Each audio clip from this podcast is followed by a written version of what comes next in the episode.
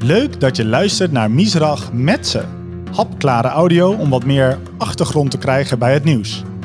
Het nieuws over Israël en het Midden-Oosten vind je op sidi.nl en je krijgt de achtergrond van de auteur zelf. Ik ben Aaron Vrieler en vandaag gaan we het niet hebben over de Iron Beam, waarmee de Iron Dome in Israël is aangevuld, of over het vredesplan van Jossi Beilin. De artikelen daarover kan je teruglezen op sidi.nl. Maar het thema dat we vandaag gaan uitdiepen is de staat van de democratie in Israël aan de hand van de onlangs verschenen Democracy Index over 2021.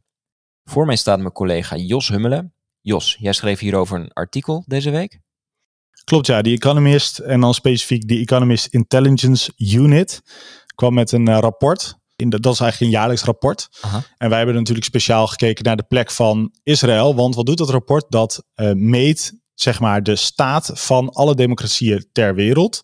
En de belangrijkste trend is een neergaande trend. Uh, in pandemische tijden zien we het gehalte van democratieën afnemen. Oh, gemiddeld genomen over de hele wereld. Klopt. Oké, okay, dus wat, er, wat ze doen is de, de, de staat van de democratie kwantificeren. Hè? Een cijfertje geven per land. Hoe, hoe zit dat precies? Hoe doen ze dat? Ja, dat is natuurlijk hartstikke moeilijk. Uh, er zijn ook meerdere uh, instituten die dit doen. Mm. The Economist is een uh, zeer gerenommeerde partij die dit doet. Ook veel experts halen juist dit rapport aan als Mm. ze landen op een rijtje zetten. En ze kijken eigenlijk naar vijf onderdelen. En indicatoren? Ja, indicatoren. Oké. Okay. En die, daar hangen ze een cijfer aan. En daaronder hangen dan weer uh, items. Je weet hoe dat gaat in. Hoe ze die hebben opgebouwd. Zeg precies. Maar. Um, maar welke indicatoren zijn dat? Oh, dat zijn uh, het electorale proces en pluralisme. Dus of er iets te kiezen valt, hè, zullen we maar zeggen. Ja. Of de overheid functioneert. Dat is nummer Mhm. twee. Nummer drie is de politieke cultuur. En nummer vier de burgerlijke vrijheden die mensen ervaren in dat land. En de laatste is politieke participatie. Oké, okay. en die krijgen dus allemaal een, een cijfertje, ik dacht tussen de 0 en 10, toch? Correct. Dus uh, één land uh, eindigt helemaal bovenaan. Uh, en dat is, dat is Noorwegen. Die Ah, zit echt bijna tegen de 10 een aan. Scandinavisch land, wat een verrassing. Ja, nou ja, je hebt ook Nieuw-Zeeland nog. Dat is volgens mij nummer 2 geworden. Oh, oké. Okay. Ja, ik heb me natuurlijk een beetje gericht op Israël. Wil je dat ook weten? Uh, ja, oké, okay, maar eventjes door. Dus bovenin hebben we de Scandinavische landen en Nieuw-Zeeland blijkbaar. Waar zit Nederland bijvoorbeeld? Nederland staat op de elfde plek. Ook een beetje, een beetje gedaald. Haalt uh, bijna een 9, 8,9. Ja, ja, oké. Okay. En uh, onderaan, waar moeten we aan denken? Wat bungelt er juist onderaan? Um, Myanmar, Afghanistan, mm. Democratische Republiek Congo. Ja, oké, oké. Okay. Dus uh, veel, de, veel van landen, Misleidende landen namen, met, uh, met, veel, met veel conflict, conflict. Ja, ja, je hebt het over de democratische Congo, niet die andere. Nee, maar die andere staat ook niet erg hoog. Oké, oké. Maar inderdaad, uh, een interessante is dan natuurlijk Israël. Want dat neem ik aan, ligt in een uh, uitdagende regio. En er is natuurlijk veel te doen over de staat van democratie in Israël. Dus wat scoort Israël eigenlijk? Ja, Israël scoort eigenlijk sinds 2006 alleen, al, alleen maar beter. Ook in 2006 was het, vond de Economist het best wel, best wel al goed. En ook het laatste jaar, dus tussen 2020 en 2021, zijn ze uh, gestegen, uh, wordt beoordeeld. Uh, terwijl de wereldwijde trend teruggaat, dus van een, 5, een krappe 5,4 naar een krappe 5,3. Mm -hmm. Dat is de wereldwijde. Dat is de wereldwijde. Gaat Israël van een, van een ruime 7,8 naar een hele ruime 7,9. Dus bijna een 8. Oké, okay, dus Israël is uh, het afgelopen jaar een van de weinige landen geweest die juist een iets positieve trend laat zien in plaats van een negatieve. Ja, doorbreekt, uh, doorbreekt die trend. Ja. Um, en dat is best een grote stap hoor. Van een 7,84 naar 7,97 om precies te zijn. Ja. Dat is echt in deze index wel een grote stap. Plek nummer 23 is dat. Ja.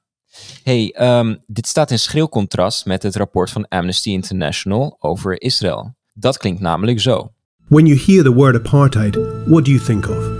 Probably the disturbing images of racial segregation between whites and blacks in South Africa, where a regime ruled by a racist white minority declared themselves officially superior to the black majority, then proceeded to dominate them. South Africa's apartheid system officially ended in the mid 1990s, but that doesn't mean apartheid can't happen elsewhere. Here, in Israel and the occupied Palestinian territories, Palestinians are being forced off their land and out of their homes separated and segregated by laws, walls, and checkpoints. They live in a constant state of fear and insecurity and deliberately impoverished. Hey, dit was dus uh, van uh, over de, de uh, presentatie van het rapport van Amnesty International over Israël. Een, een, week of twee geleden inmiddels. waarin gesteld werd, geclaimd werd dat Israël een apartheidstaat zou zijn in zowel Israël zelf als de bezette gebieden als in Gaza.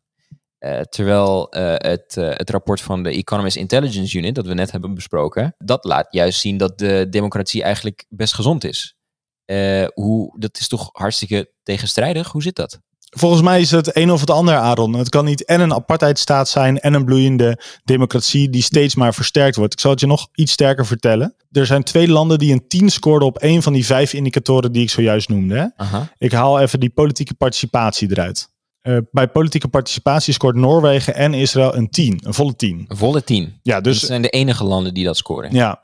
En waar gaat dit over? Dit gaat over dat expliciet een onderdeel eruit is dat minderheden juist participeren in het democratische proces. Ja, ja, dat is een van die dingen waaraan die Economist heeft gemeten hoe, hoe die indicator eruit ziet, zeg maar. Exact. Ja. En daar is dus letterlijk, zeg maar, niks mis mee. Het rapport van Amnesty, dat apartheidsframe, wordt gedrukt op heel Israël. Hè? Dus niet alleen maar op, uh, op de Westbank, op, op een gebied daar, area A, B of C. Maar nee, heel Israël, wat je dan noemt Israël proper. En terwijl die Economist komt met het tegenovergestelde en dat zegt juist, en dat maakt het trouwens ook expliciet. Dat zegt juist, hey, minderheden in Israël, bijvoorbeeld uh, Arabieren zijn trouwens heel veel minderheden in, uh, in Israël. Israël is een enorm diverse staat. Veel meer dan zwart of wit, ja. Precies, die uh, participeren. Sterker nog, het rapport maakt ook expliciet dat Israël nu een, een coalitie heeft waar een Arabisch-Islamitische partij een, een, een kleine speler weliswaar, maar wel een belangrijke rol heeft. En inclusief ook Arabische ministers. Ja, ja, dus die Economist die uh, voert dat echt aan als, uh, als voorbeeld van hoe ze wellicht tot dat cijfer zijn gekomen van de politieke participatie. Die, uh, die blijkbaar, ja, nou ja, of er niks aan te verbeteren valt, dat betwijfel ik. Maar die in elk geval relatief in de wereld best goed eruit ziet. Zo zie je het verschil tussen een politiek rapport en een wat meer beschouwelijk objectief rapport. Het ene meet het echt en het ander uh, stapt eigenlijk, creëert een frame. Ja. En uh, zoekt vervolgens bewijzen om die stelling hard te maken. Ja, ja. Hey, um, ik, ik kreeg ook een beetje de indruk, inderdaad, dat uh, uh, wat hier misschien wel gaande is, is de, de, paradox zeg maar, van transparantie. Transparantie dat erbij komt kijken als een staat op een democratische manier geregeerd wordt. Want transparantie dat betekent dat nou ja, meer zichtbaar wordt en daarmee ook misschien de lelijke kanten en de, de scheidslijnen tussen etnische groepen die er uiteraard nog altijd zijn in Israël. Zie je dat ook zo? Ja, dat is een, dat is een hele gekke paradox. Dus juist omdat Israël uh, best wel democratisch is. Hè, uh, het rapport maakt ook duidelijk: it's a flawed democracy. Dus het is niet een perfecte democratie, het is een gebrekkige democratie. Dus je kunt Israël betitelen. Uh, die Economist heb ik dan over. Hè? Ja. Er, er moet aan gewerkt worden en er wordt aangewerkt. Ja, dat, dat is iets heel anders dan het echt wegzetten als een, een, een apartheidstaat. Waarin ze ja, officieel dan niet verwijzen naar Zuid-Afrika, maar bijvoorbeeld in dat audiofragment, wat een video is van Amnesty zelf, dat heel expliciet wel maken, omdat dat heel beeldend is. En je op die manier Israël makkelijk weg kan zetten. En nog iets hè, over die um, uh, politieke participatie waar ik het net over had. Een ja. van die items die erin staat. Um, is de, uh, of mensen zich verbonden voelen en participeren uh, in NGO's en of die NGO's ook invloed hebben in een land. Oké, okay, zoals dat is, is meegenomen. Ja, en dat is dus heel hoog. En ja. da daar, dan zie je ook dat het resultaat is dat zo'n NGO ook ja, mondig is. Ja, ja. En misschien, uh, misschien valt Amnesty daar wel onder, hoor ik je misschien zeggen. Nou, dat denk ik wel, ja. Kijk, ik, ik vond sowieso die hele discussie rond apartheidstaat heel lastig. Want je, je kan ook heel gemakkelijk zelf. Je komt heel gemakkelijk in one-liners terecht. En dat je dan gaat roepen van dat Amnesty roept oh apartheid. En dat alle tegenstanders uh, die de realiteit in Israël, denk ik, beter begrijpen, roepen oh antisemitisme. Ik zou dat eigenlijk allebei willen, willen slachten bij deze. Ik zou zeggen, apartheid roepen is geen constructieve manier. Uh, even afgezien of het zo is, wat de Economist dus eigenlijk zegt dat dat absoluut niet zo is. En ik zou ook zeggen dat antisemitisme uh, roepen, wat dus de Israëlische overheid deed, afdoet van wat antisemitisme echt is. Ik, Ja. ik, ik wil hier denk ik niet, de, zeker niet met jou Aaron, de discussie voeren of eh, mensen die, eh, die zo'n hyperfocus hebben op Israël als enige democratische staat in het Midden-Oosten, eh, misschien antisemitische denkbeelden bij zich dragen, die Ja, niet in hun voordeel Dat zijn. kunnen we simpelweg niet testen. Kunnen we niet testen. Is ook niet zo interessant, denk ik. Nee, precies. Ehm, Dus ik, vind, ik, vind het ben, ik ben het met je eens. Ik vind het een terecht kritiek dat je niet antisemitisme moet roepen. Ook niet als Israël zijnde. Eh, omdat je dan die term erodeert. Ja. En wat werkelijk antisemitisme is, dan misschien wel op een gegeven moment door de vingers gaat zien. En Die kritiek heeft Israël op hun reactie natuurlijk veelvuldig gekregen. Eh, vind ik terecht, vind ik begrijpelijk. Maar ja, eh, precies datzelfde zou je dan eigenlijk moeten toepassen op het label apartheid. Ja, er zijn zoveel gaten in het rapport van Amnesty te schieten. Mm. Dat, eh, dat je al. Je kan namelijk bijvoorbeeld ook op de Messenger schieten. Dat gebeurt ook wel eens. Dat vind ik ook zelf niet zo sterk. Kijk, eh, het is gewoon omdat die woorden die in dat rapport. Ik zat het rapport te lezen toen ik bij jou in je kantoortje zat. En ik schrok me. Ik schrok gewoon echt. eh, eh, dat zij bijvoorbeeld ook gewoon het woord genocide gebruiken. En andere hele grote woorden. Die gewoon. Ja, die gewoon niet bijdragen omdat ze de situatie niet accuraat omschrijven.